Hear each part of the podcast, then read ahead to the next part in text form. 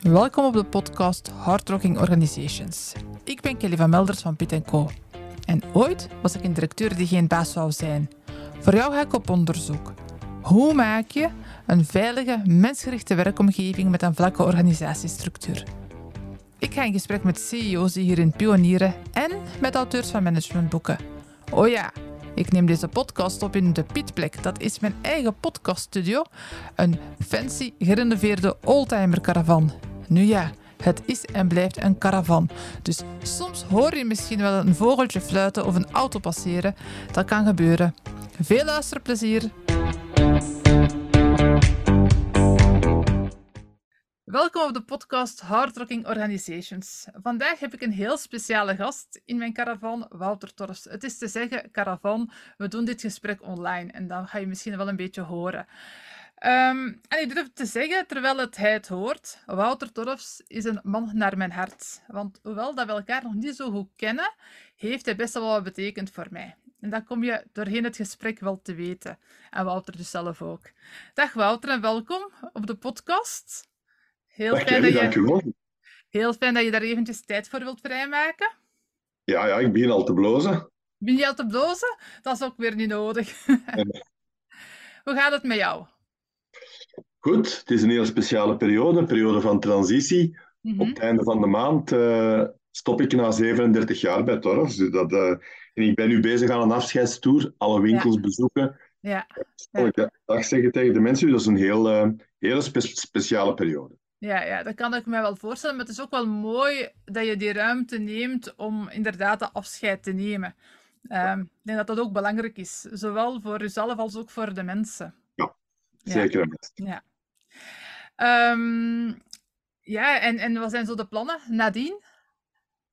Oh, de plannen op, op heel korte termijn uh, gaan we een, een grote reis maken naar Thailand in februari. Wow, om, echt, ja. om echt een keer een breuk te maken met, uh, met het oude leven en dan het nieuwe leven in te stappen. En dan nadien, ja, ik heb, ik heb het uh, aanvaard om voorzitter te worden van CAW Vlaanderen. Ja, dat heb ik gehoord. Dat zal mijn, vrijwillig, mijn vrijwilligerswerk zijn, zal wel wat tijd in stoppen. Ja. Ja, nog een paar mandaten raden van bestuur twee nieuwe kleinkindjes op komst in, in maart oh, en april. Ja, ja, ja, ja. Ja, uh, ja misschien nog een boek. Dus uh, nee, veel plannen. Ja, ook, okay. ook een, beetje, een beetje rustiger aan hoor. En, en ja, ja. ja, ja. Dat, maar ik kan me wel voorstellen dat jij ook een gewild profiel bent om te vragen in de raden van bestuur. Uh, ik denk dat ja, daar dat veel organisaties. Sorry? Dat gebeurt al wel eens. Ah ja, kan ik mij voorstellen. Uh, Wouter, vooraleer dat we echt in, in de materie gaan duiken, even een vraagje. Hè. Um, wij zijn hier in Werchter, af mijn caravan, mijn pietplek staat hier in Werchter. En Werchter is vaak wel zo een locatie waar de mensen iets mee hebben. Ben jij ook zo'n festivalganger? Ben je al in uh, Werchter geweest?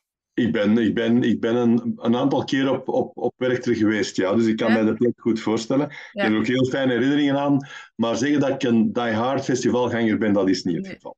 Zeg, wat zijn zo de mooie herinneringen van op, van op Werchter? Uh, wat dan nu spontaan bij mij opkomt, is, uh, was uh, Coldplay een aantal ja. jaren geleden. Ja. Dat, was, dat vond ik wel speciaal. Wel... ik, heb, ik heb ook Muse gezien. Mm -hmm. Dat was ook heel... heel um... ja. Ja, daar stond ik ook mee in het publiek. Ja. Okay. Me meestal sta ik achter een of andere tap of zo. Oh. maar toen stond ik in het publiek. Ja, ja dus... Okay. Dat is, dat is heel fijn. Nu, um, mensen die dat hier te gast zijn in de podcast, die zijn op een of andere manier op mijn pad gekomen. Bij u is dat iets anders.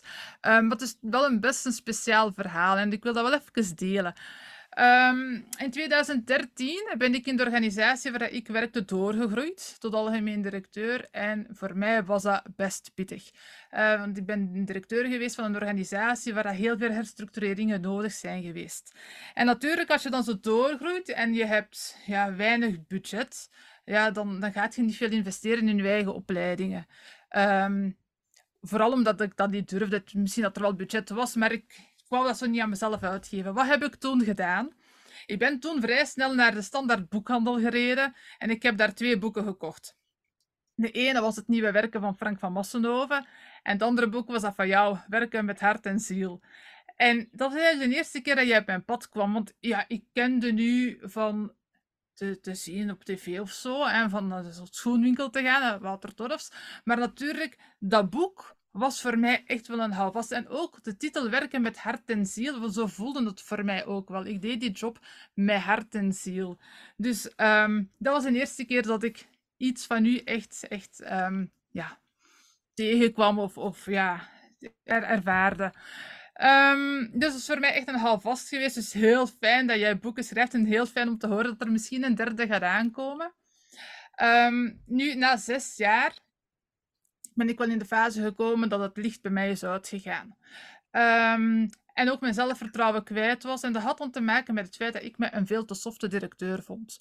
Ik vond mezelf een te grote softie. Ik prentte in mijn eigen hoofd van, ik heb dat hier toevallig gekregen, nou, bij gebrek aan beter. Uh, die fase heb ik gehad. En natuurlijk, ja, ik ben een schim geworden van mezelf en dat, dat heeft ook mijn job gekost. En terecht eigenlijk ook. Ik ben daar heel, heel transparant over. Nu, een paar maanden later um, had ik mezelf dan eens eindelijk iets cadeau gedaan en dan ben ik naar Organizations of the Future gegaan. En dat was toen in Brussel. Dat was toen um, Hard Times, denk ik, het thema. en wie, weet, wie weet, heeft dat misschien wel een kiemetje gelegd naar hardrocking organizations? Wie weet. Um, maar heel speciaal voor mij, want ik zat daar toen heel erg down, herstellende van chronische stress. En ik kwam daar in een zaal van 300 mensen en ik zat toen ook op een heel speciale plek.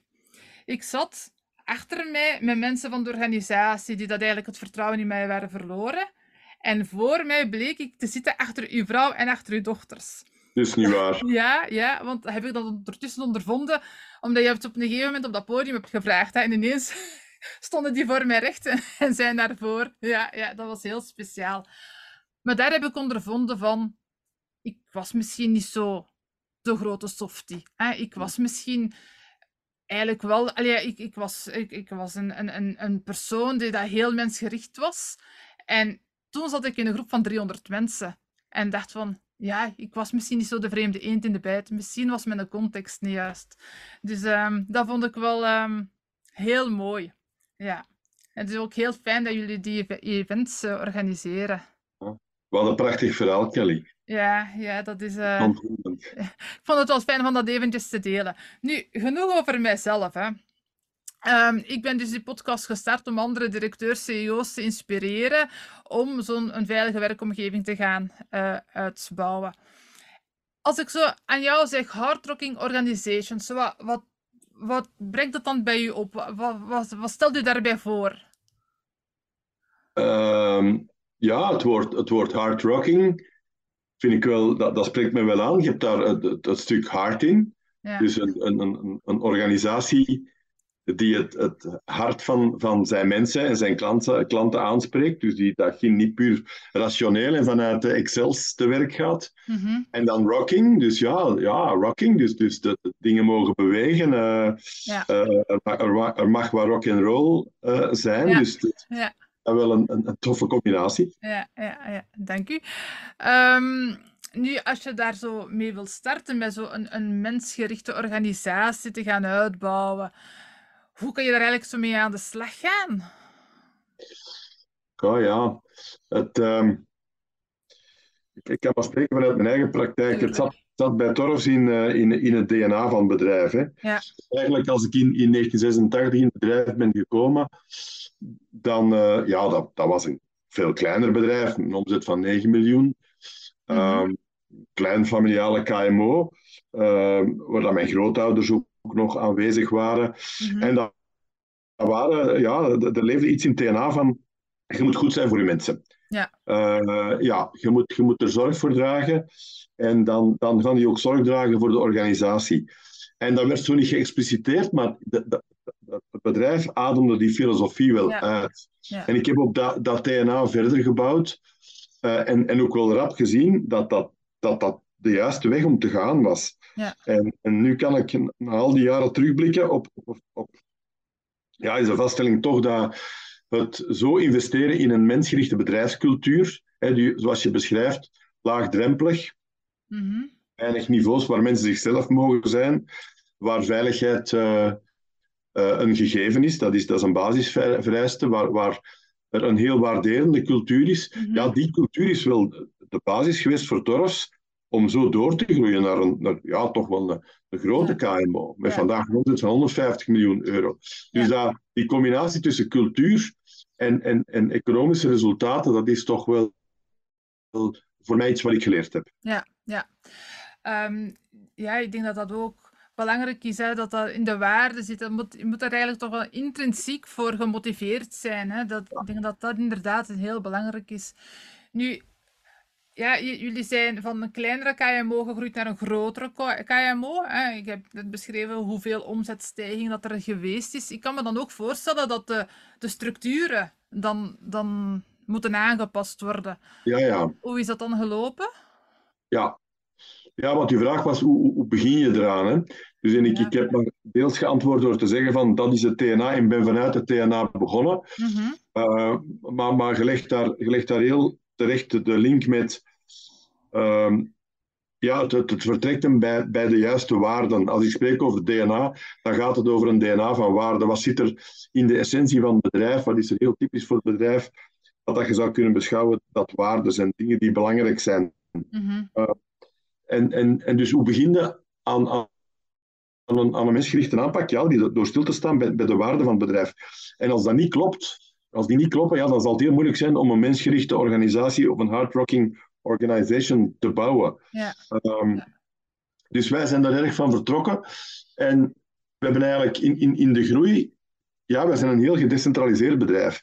Er waren destijds twintig kleine stadswinkels, vandaag zijn er een tachtigtal grote, meestal perifere winkels. Mhm. al, die, al die winkels zijn eigenlijk redelijk uh, onafhankelijke business units die, die veel autonomie hebben. En voor mij een van de pijlers van Great Place to Work is ook dat mensen een stuk autonomie hebben. Ja. Dat niet alles voorgekoud en beslist wordt van bovenaf. Ja. Dus een gedecentraliseerde organisatie met, met eigenlijk weinig tussenlagen uh, tot, tot de directie. Ja.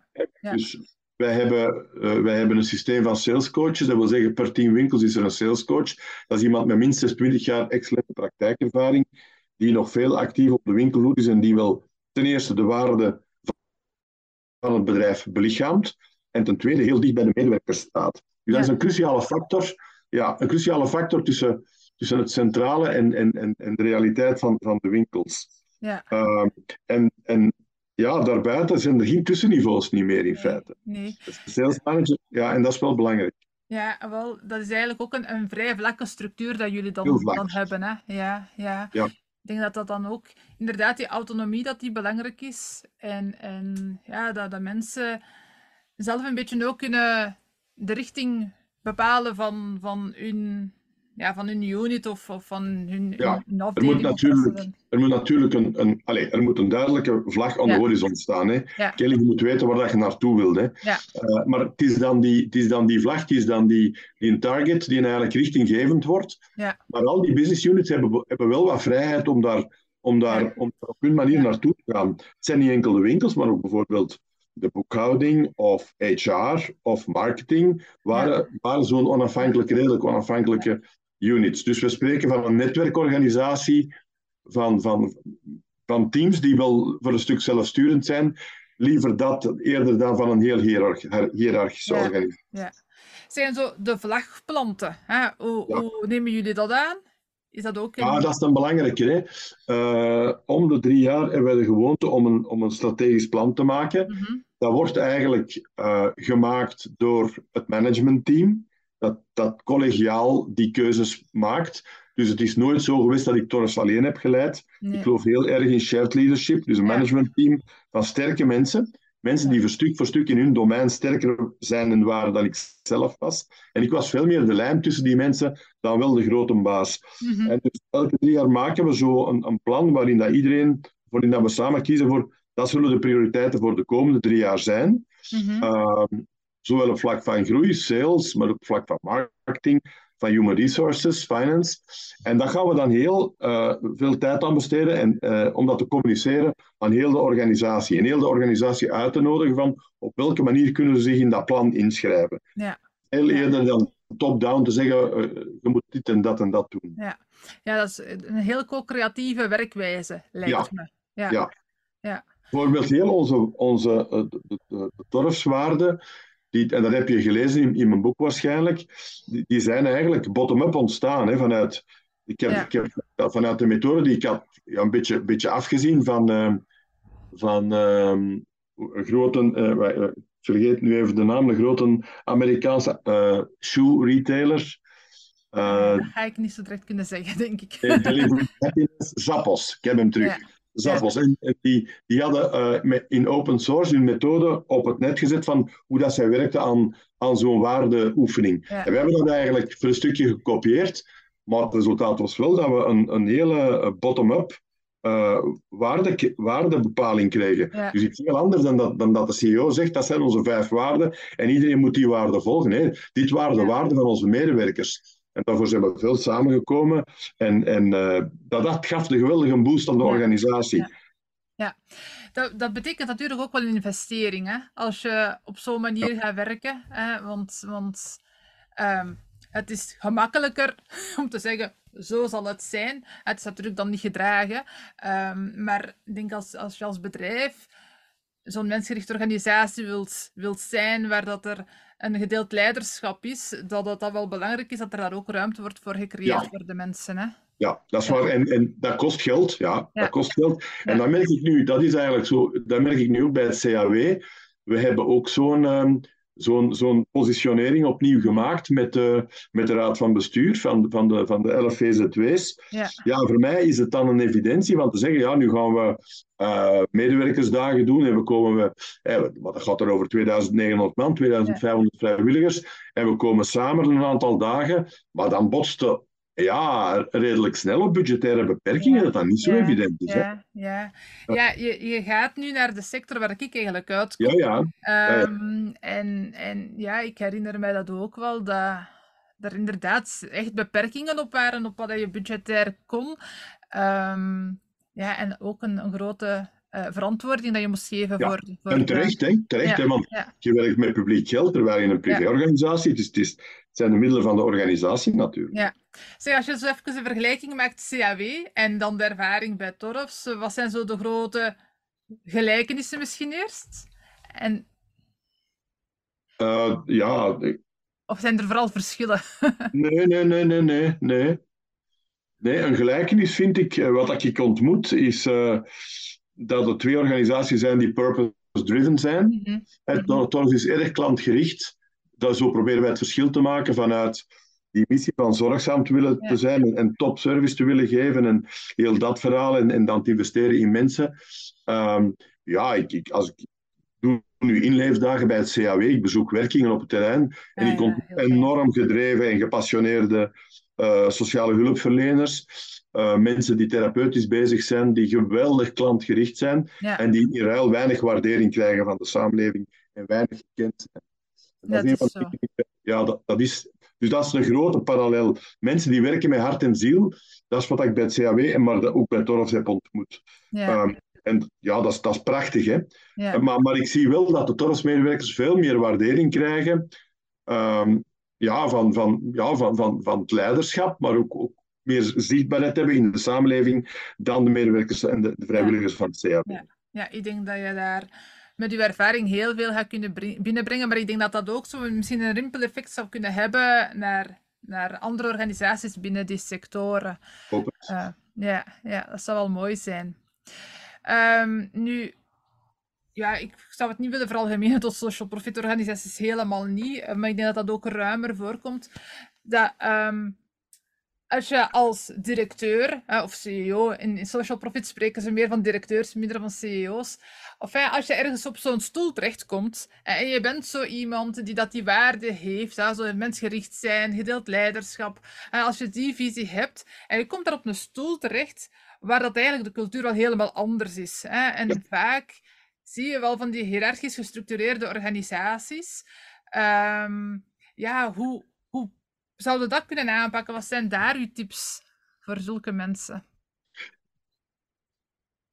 Ja, als je op die stoel terechtkomt, dan, dan alleen mijn eerste stap zou zijn, uh, ja, begin in uw circle of influence, begin ja. met de mensen rond u. Hè. Ja. Je zult toch wel, veronderstel ik, in een team terechtkomen van mm -hmm. mensen met wie dat je samenwerkt.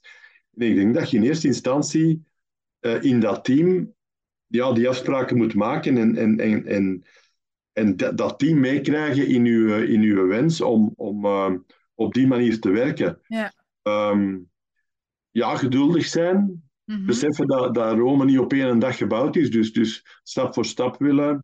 Ik denk veel aanwezig zijn op het terrein. Ja. Goed luisteren naar de, naar de basis en, en niet alleen op uw bureau zitten en vergaderen, maar op het terrein komen. Dat zeg ik Ja. op CAW ook. Ja. En, en daar luisteren naar de medewerkers. En zo stilaan verder te bouwen. Maar het is ook wel mijn, over, mijn, mijn geloof, eh, Kelly, dat, dat ja, het- dit is het verlangen van de meeste mensen. Hè? ja, dat denk ik ook. Dan op een menselijke manier en op een, op een eh, betrokken manier met elkaar om te gaan.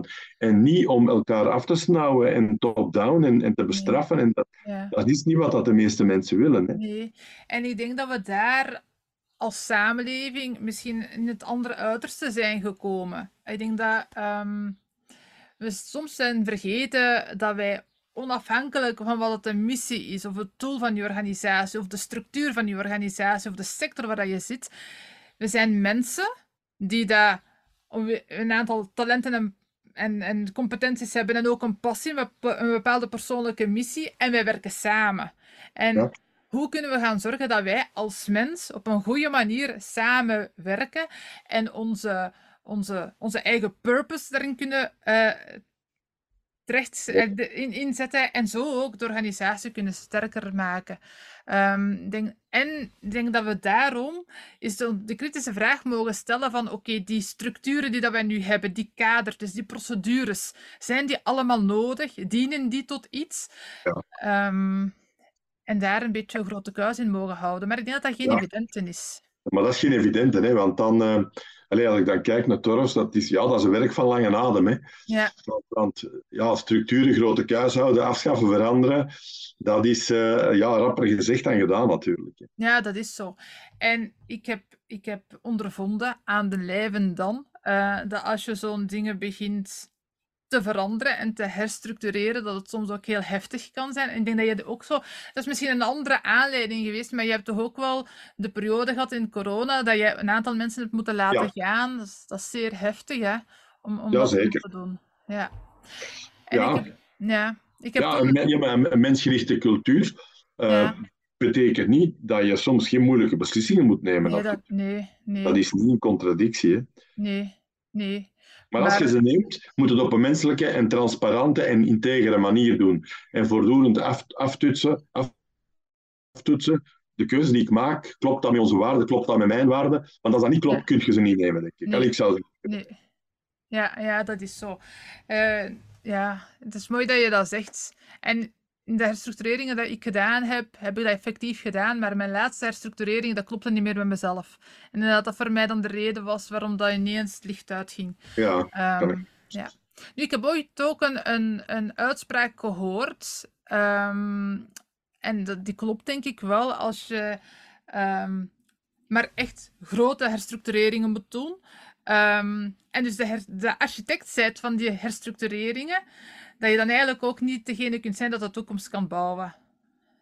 Ja. Ehm, ja. Dat, maar ja, het is te hopen dat, dat de mensen die luisteren zo geen grote herstructureringen moeten doen. Eh, dat, is, eh, ja, dat, is, zou, dat zou wel wel jammer zijn. Ehm, Ja, maar tegelijkertijd gelo- geloof ik ook dat, ehm, en dat heb ik ook eh, met COVID meegemaakt, dat was, dat was zeker niet, niet, niet prettig, zeker niet, dat was, dat was moeilijk. Maar ehm, op momenten dat het goed gaat, is een, is een mensgerichte cultuur heel aangenaam en prettig. Ja. Maar op momenten dat het moeilijk is, is, is een sterke cultuur, een mensgerichte cultuur, nog veel belangrijker. Want ik heb bij ons medewerkers enorm veel engagement gevoeld om het bedrijf erdoor te trekken. Ja, En als er, als er voordien niks op, is opgebouwd, als er geen sociaal kapitaal zit, dan gaan mensen veel rapper afhaken en weggaan en, ja, en het ook niet voor hun, voor hun bedrijf op- opnemen. En dat heb ik bij Toros anders gezien. Dus het is iets heel paradoxaal. Op momenten dat het moeilijk gaat, is het misschien nog belangrijker van die, van die, van die cultuur te hebben dan, dan als het allemaal gemakkelijk ja, ja. Ik denk dat dat, dat, dat klopt. En ik denk dat dat ook in de organisatie waar ik dan verantwoordelijk voor was, ook de kracht was. Hè? Dat de mensen Ja. dat zo lang hebben volgehouden. Want het is natuurlijk wel heel heftig als je ja, jaren in onzekerheid eigenlijk leeft. Ah, ja, ja. en ja. Um, wat wou ik jou nog vragen? Um, ik heb ja, ook al ondervonden um, dat people managers vaak ook wel people pleasers zijn. Um, ik ben dat zeker. Ik ben een people pleaser. En ik heb eigenlijk in de podcast, van welke podcast was het al, gehoord dat de Black Birds podcast van Andy Komans ook hoort dat jij ook de pleaser bent. Is het niet? Ja. Ja. Wat zijn ja. Ja, ja, ja, maar ik denk dat elke mens, um, dat het in leiderschap heel belangrijk is van zicht te krijgen op uw patronen. Ja. En op uw, en, en op uw schaduwkanten en op uw valkuilen. En, en uh, ja, een van mijn patronen is inderdaad eh, dat ik ook graag uh, please. Hè.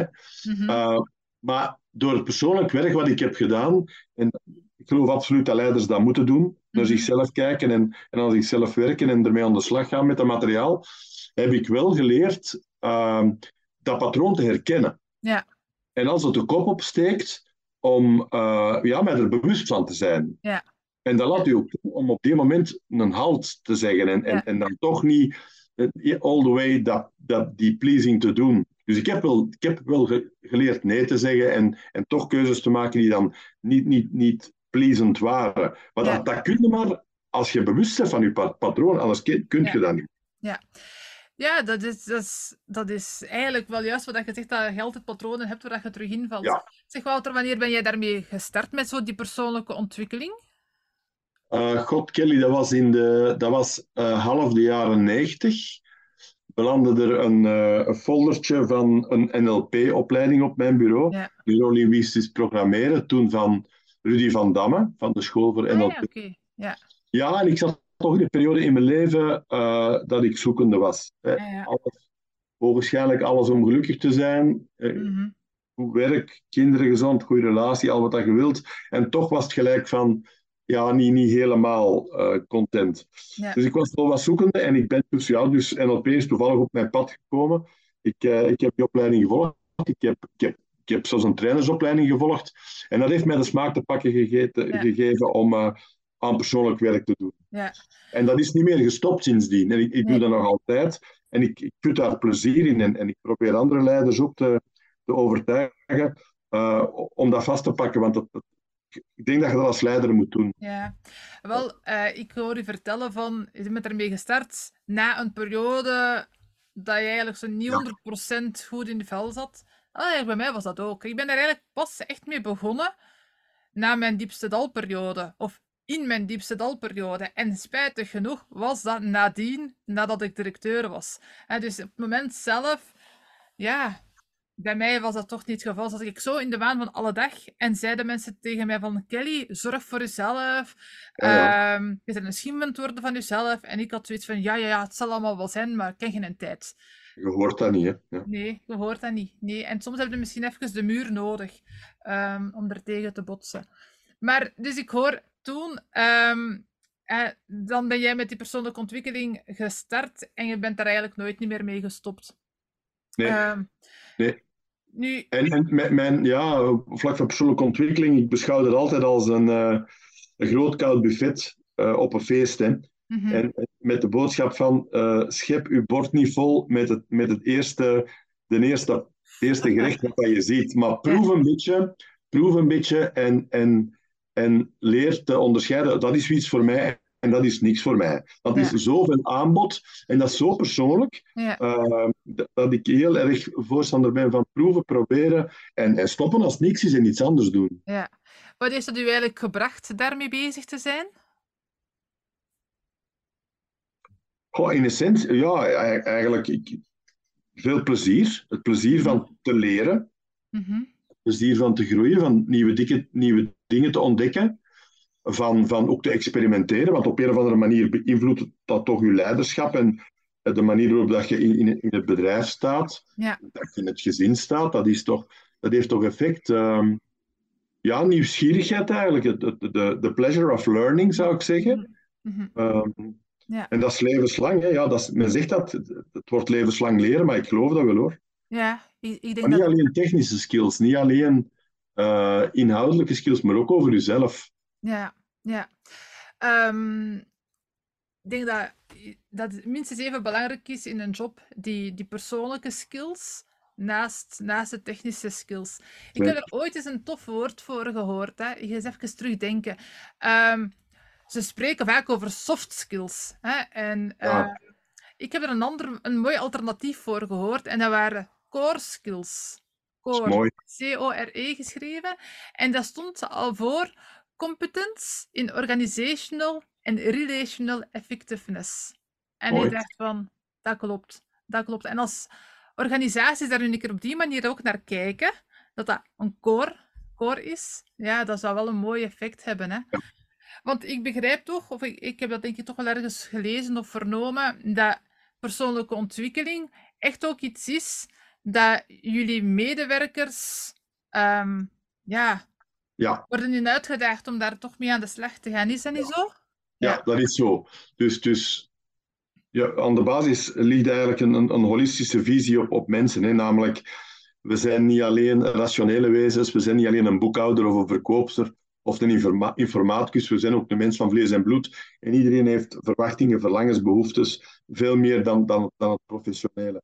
Dus wij gaan aan onze medewerkers aan de, in eerste instantie ja, professionele opleiding uh, bieden vooral aan de jonge en nieuwe leiders. Dat is een, een groeitraject waarin, waarin uh, jonge managers de kans krijgen om over anderhalf jaar toch een aantal katstokken, handvaten mee te krijgen rond leiderschap, maar vooral ook de kans krijgen om te experimenteren en met hun ervaringen terug te komen naar de groep en van elkaar te leren. Mm Dat we geloven dat naarmate dat managers effectievere leiders worden, de organisatie er beter af is en ook het welzijn van medewerkers zal verbeteren. Ja. Dat van de ene kant. Van de andere kant hebben wij al jaren uh, een, een, open programma. Uh, waarin, dat is een menukaart waarin dat we verschillende opleidingen aanbieden. Ja. Daar heeft mindfulness in, gezeten, geweldloos communiceren, maar ook ooit uh, start to run, stoppen met roken, gezond koken, ja. taal leren, tango dansen. Je kunt ze zo niet, be niet bedenken. Of we hebben het aangeboden vanuit het idee van, ja, en dat is vrijblijvend. Mensen volgen dat op op kosten van de werkgever, maar in hun vrije tijd of van overuren. Vanuit het geloof dat als mensen zich als mens kunnen ontplooien en ontwikkelen en daardoor gelukkiger in hun vel komen te zitten, dat dat op een of andere manier wel terugkomt naar de organisatie. Ja, ja. Ja, inderdaad, mensen zijn meer dan werknemer, hè? Ah ja, natuurlijk. Ja, ja, ja. Um, ja, als je zo... Um Daarnet was je eigenlijk bezig, als ik u vroeg van hoe kunnen we daar nu eigenlijk mee aan de slag gaan, zo'n um, hardworking organization gaan maken, heb je gezegd van die waarden moeten goed zitten. En als je natuurlijk zo op een gegeven moment op zo'n stoel terechtkomt, dan is het belangrijk dat je team rondom eh, dat je daar goed op één lijn zit. Um, zijn, zijn er nog tips dat je kan geven? Um, ja, het, belang om, om, om uh, als leidinggevende, zeker al, hoger leidinggevende, om op de werkvloer aanwezig te zijn. Ja. Uh, en dus de kracht van empathie en luisteren. Echt luisteren naar wat er, wat er bij medewerkers en ook klanten leeft. Echt luisteren. Ja. is erg belangrijk. Um, ja. ik denk ook uh, zoek, zoek, uh, zoek lotgenoten op. Hè? Of zoek, zoek mensen op die, die, Allee, je moet het niet allemaal alleen doen. Hè. Zie dat je in een, in een voedend netwerk terechtkomt, zoals Organization of the Future en ons councils. Uh, mensen moeten maar eens gewoon kijken op ootf.be. Ja, Allee, het, het, feit van, het, feit, ja. ja. het feit van lotgenoten te hebben en van u niet alleen te voelen, uh, is wel voedend en steunend. Ja, ja, ja. Dat, is, dat is heel belangrijk. En ook, ook al heb je het zo druk, hè, en dan, uh, dan net eigenlijk is het dat schiet er dan vaak over, hè? En, en dat spijt Ja, want dat is inderdaad hetgene dat, uh, dat, dat heel belangrijk is eigenlijk, hè, dat je ondersteund weet te zijn. Goed, Wouter, ik denk dat ik zo een beetje naar mijn laatste vragen ga beginnen. Uh, we hebben al heel wat informatie uh, van u gekregen. Um, ja, als je zo je hebt het er net misschien al wel wat gezegd, maar toch zo de cruciale tip voor de luisteraar die dat met zo'n mensgerichte organisatie wilt, wilt starten of echt daar meer, meer, meer wilt aandacht aan geven? Wat is de cruciale... Ja, punt is, Kelly, ja, het is niet te vatten in één. Allee, er zijn veel, je kunt veel tips geven, maar het is niet te vatten in één magische formule en dan is het opgelost. Hè. Ik, ik, denk, begin, begin, wees ten alle tijde authentiek. Ja. En stop met een masker te dragen en een rolletje te spelen. Maar als je daar een droom rond hebt of een verlangen rond hebt, durf er vooruit te komen. en je gaat, je gaat misschien, vooruit, misschien verrast zijn hoeveel mensen dat verlangen gaan delen. Ja. Maar je moet daarvoor durven wat moedig en wat kwetsbaar te zijn. En misschien nu en dan eens op uw bek te gaan. Dat, dat kan er dan ook bij horen. Ja, daar word er groot van. ja. Um, groei door connectie is, is eigenlijk zo de baseline van mijn bedrijf. En mijn bedrijf heet eigenlijk Piet Co. Um, met als een, Piet eigenlijk is eigenlijk ontstaan door um, het feit van... Ja, ga maar tot uw kern. Hè? En, en daar zit veel voedende kracht in. En, en ga in verbinding met mensen. Uh, met jezelf en ook met mensen, want daar zit groei in. Ik denk echt wel als uh, organisaties in die connectie investeren. Van, van mensen zelf, maar in de onderlinge connectie ook. Dat er groei en innovatie ontstaat op, op heel veel manieren. Um, daarom denk ik altijd aan mensen op het eind van een gesprek dezelfde vragen stel. De eerste heb ik wel gesteld van ah, was zo'n cruciale tip, daar heb je net op uh, geantwoord. Um, maar groei door connectie, dat gaat ook in, in twee richtingen. Hè. Dus je hebt nu heel veel informatie gegeven, heel veel inspiratie gegeven, waarin dat hopelijk mensen toch wel iets mee kunnen doen. Um, maar groei door connectie gaat ook omgekeerd. En daarmee stel ik ook altijd de vraag: is er iets of iemand dat u vandaag in uw eigen journey zou kunnen helpen? Iets dat je zelf zo misschien. Ja, ik stel die vraag altijd aan iedereen. Oh ja, natuurlijk. Ja. Natuurlijk. Ik, allee, ik denk dat, uh, dat, dat groeien als leider uh, ook, ook impliceert dat je, dat je, dat je ten allen tijde, ook als je veel ervaring hebt, blijft openstaan voor, voor, voor input en feedback. En dat hoeft niet altijd van, van een guru of, of, of, of, of een, een, een dure consultant te komen, maar, maar, maar dat kan perfect komen van, van mensen die dichtbij staan, van collega's Op, op de vloer. Uh, uh, ja, absoluut. Dus ik denk niet aan, aan één persoon in, in het bijzonder, nee. maar, maar, maar, maar ik, ik wens iedereen de capaciteit toe om, uh, om er alert en open voor te staan wanneer dat je feedback krijgt en wanneer er leer, leermomenten zijn. Want mm -hmm. dat gebeurt nog dagelijks. Ja. Dat, uh, ja. ja. We hebben nu al een hele tijd gebabbeld over hardworking organizations um, en ook over de manier waarop we er allebei naar kijken. Um, is er nog zo iemand waar jij aan denkt van Kelly, dat is zeker een interessant persoon om eens contact mee op te nemen? Die dat zou kunnen helpen in uw onderzoek? Ja, ja, Kelly. Ja. Dan verwacht jij wel namen van mij? Uh, ja, als je zo gewoon puur intuïtief aan iemand denkt of zo, ja, dan moet je dat zeggen. Als je zegt van ja, ik zal je later verzorgen, dan... Ik denk, dat, ik denk nu bijvoorbeeld, als ik dan aan een naam die nu bij mij voorkomt, dat is uh, Christ Pauwels. Ja. Van, uh, van Choco. Ja. Dat is een van de bezielers van uh, Organizations of the Future. Ja. Ik vind dat Chris een, een, een hele sterke, hedendaagse Vlaamse denker is rond organisaties en rond, rond uh, verandering in organisaties. Dus ja. Wel, ik zal hem ook eens contacteren. Ja, Chris ken ik natuurlijk inderdaad van Organizations of the Future ja, daar te zien. Um, en ook, die heeft boekjes geschreven, hè? Ja, dat, dat is daarom ja, zeker. Ja, En, en, wel, en die heb ik, uh, toen ik dan gestopt was bij die organisatie, die heb ik dan gekocht. En uh, oh. inderdaad ook gelezen. En hij heeft daar zo, dat is een beeld dat ik daar de eerste keer heb gezien. Uh, zo, me en wie. Dat is zo een, een spiegelschrift, hè? Ja. dat was zeer mooi. Ja. Ah, het is fijn dat je hem noemt. Ja, dat ga ik inderdaad nog een keer die boekjes ook er terug bij pakken en misschien eens met hem contact opnemen. Goed idee. heel erg bedankt voor het gesprek. Ik wens u een heel fijne vakantie in Thailand. Heel veel succes bij het CAW Vlaanderen uh, en de andere organisaties waar je nog bij betrokken bent. En geniet binnenkort van uw kleinkindjes. Dat gaan we doen. Heel erg bedankt. Dat heel... Dank u.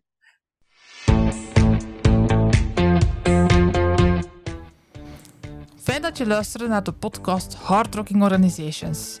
Hoe start je daar nu concreet mee? Wel, op mijn website kan je een Hard Rocking Organizations Quickscan downloaden.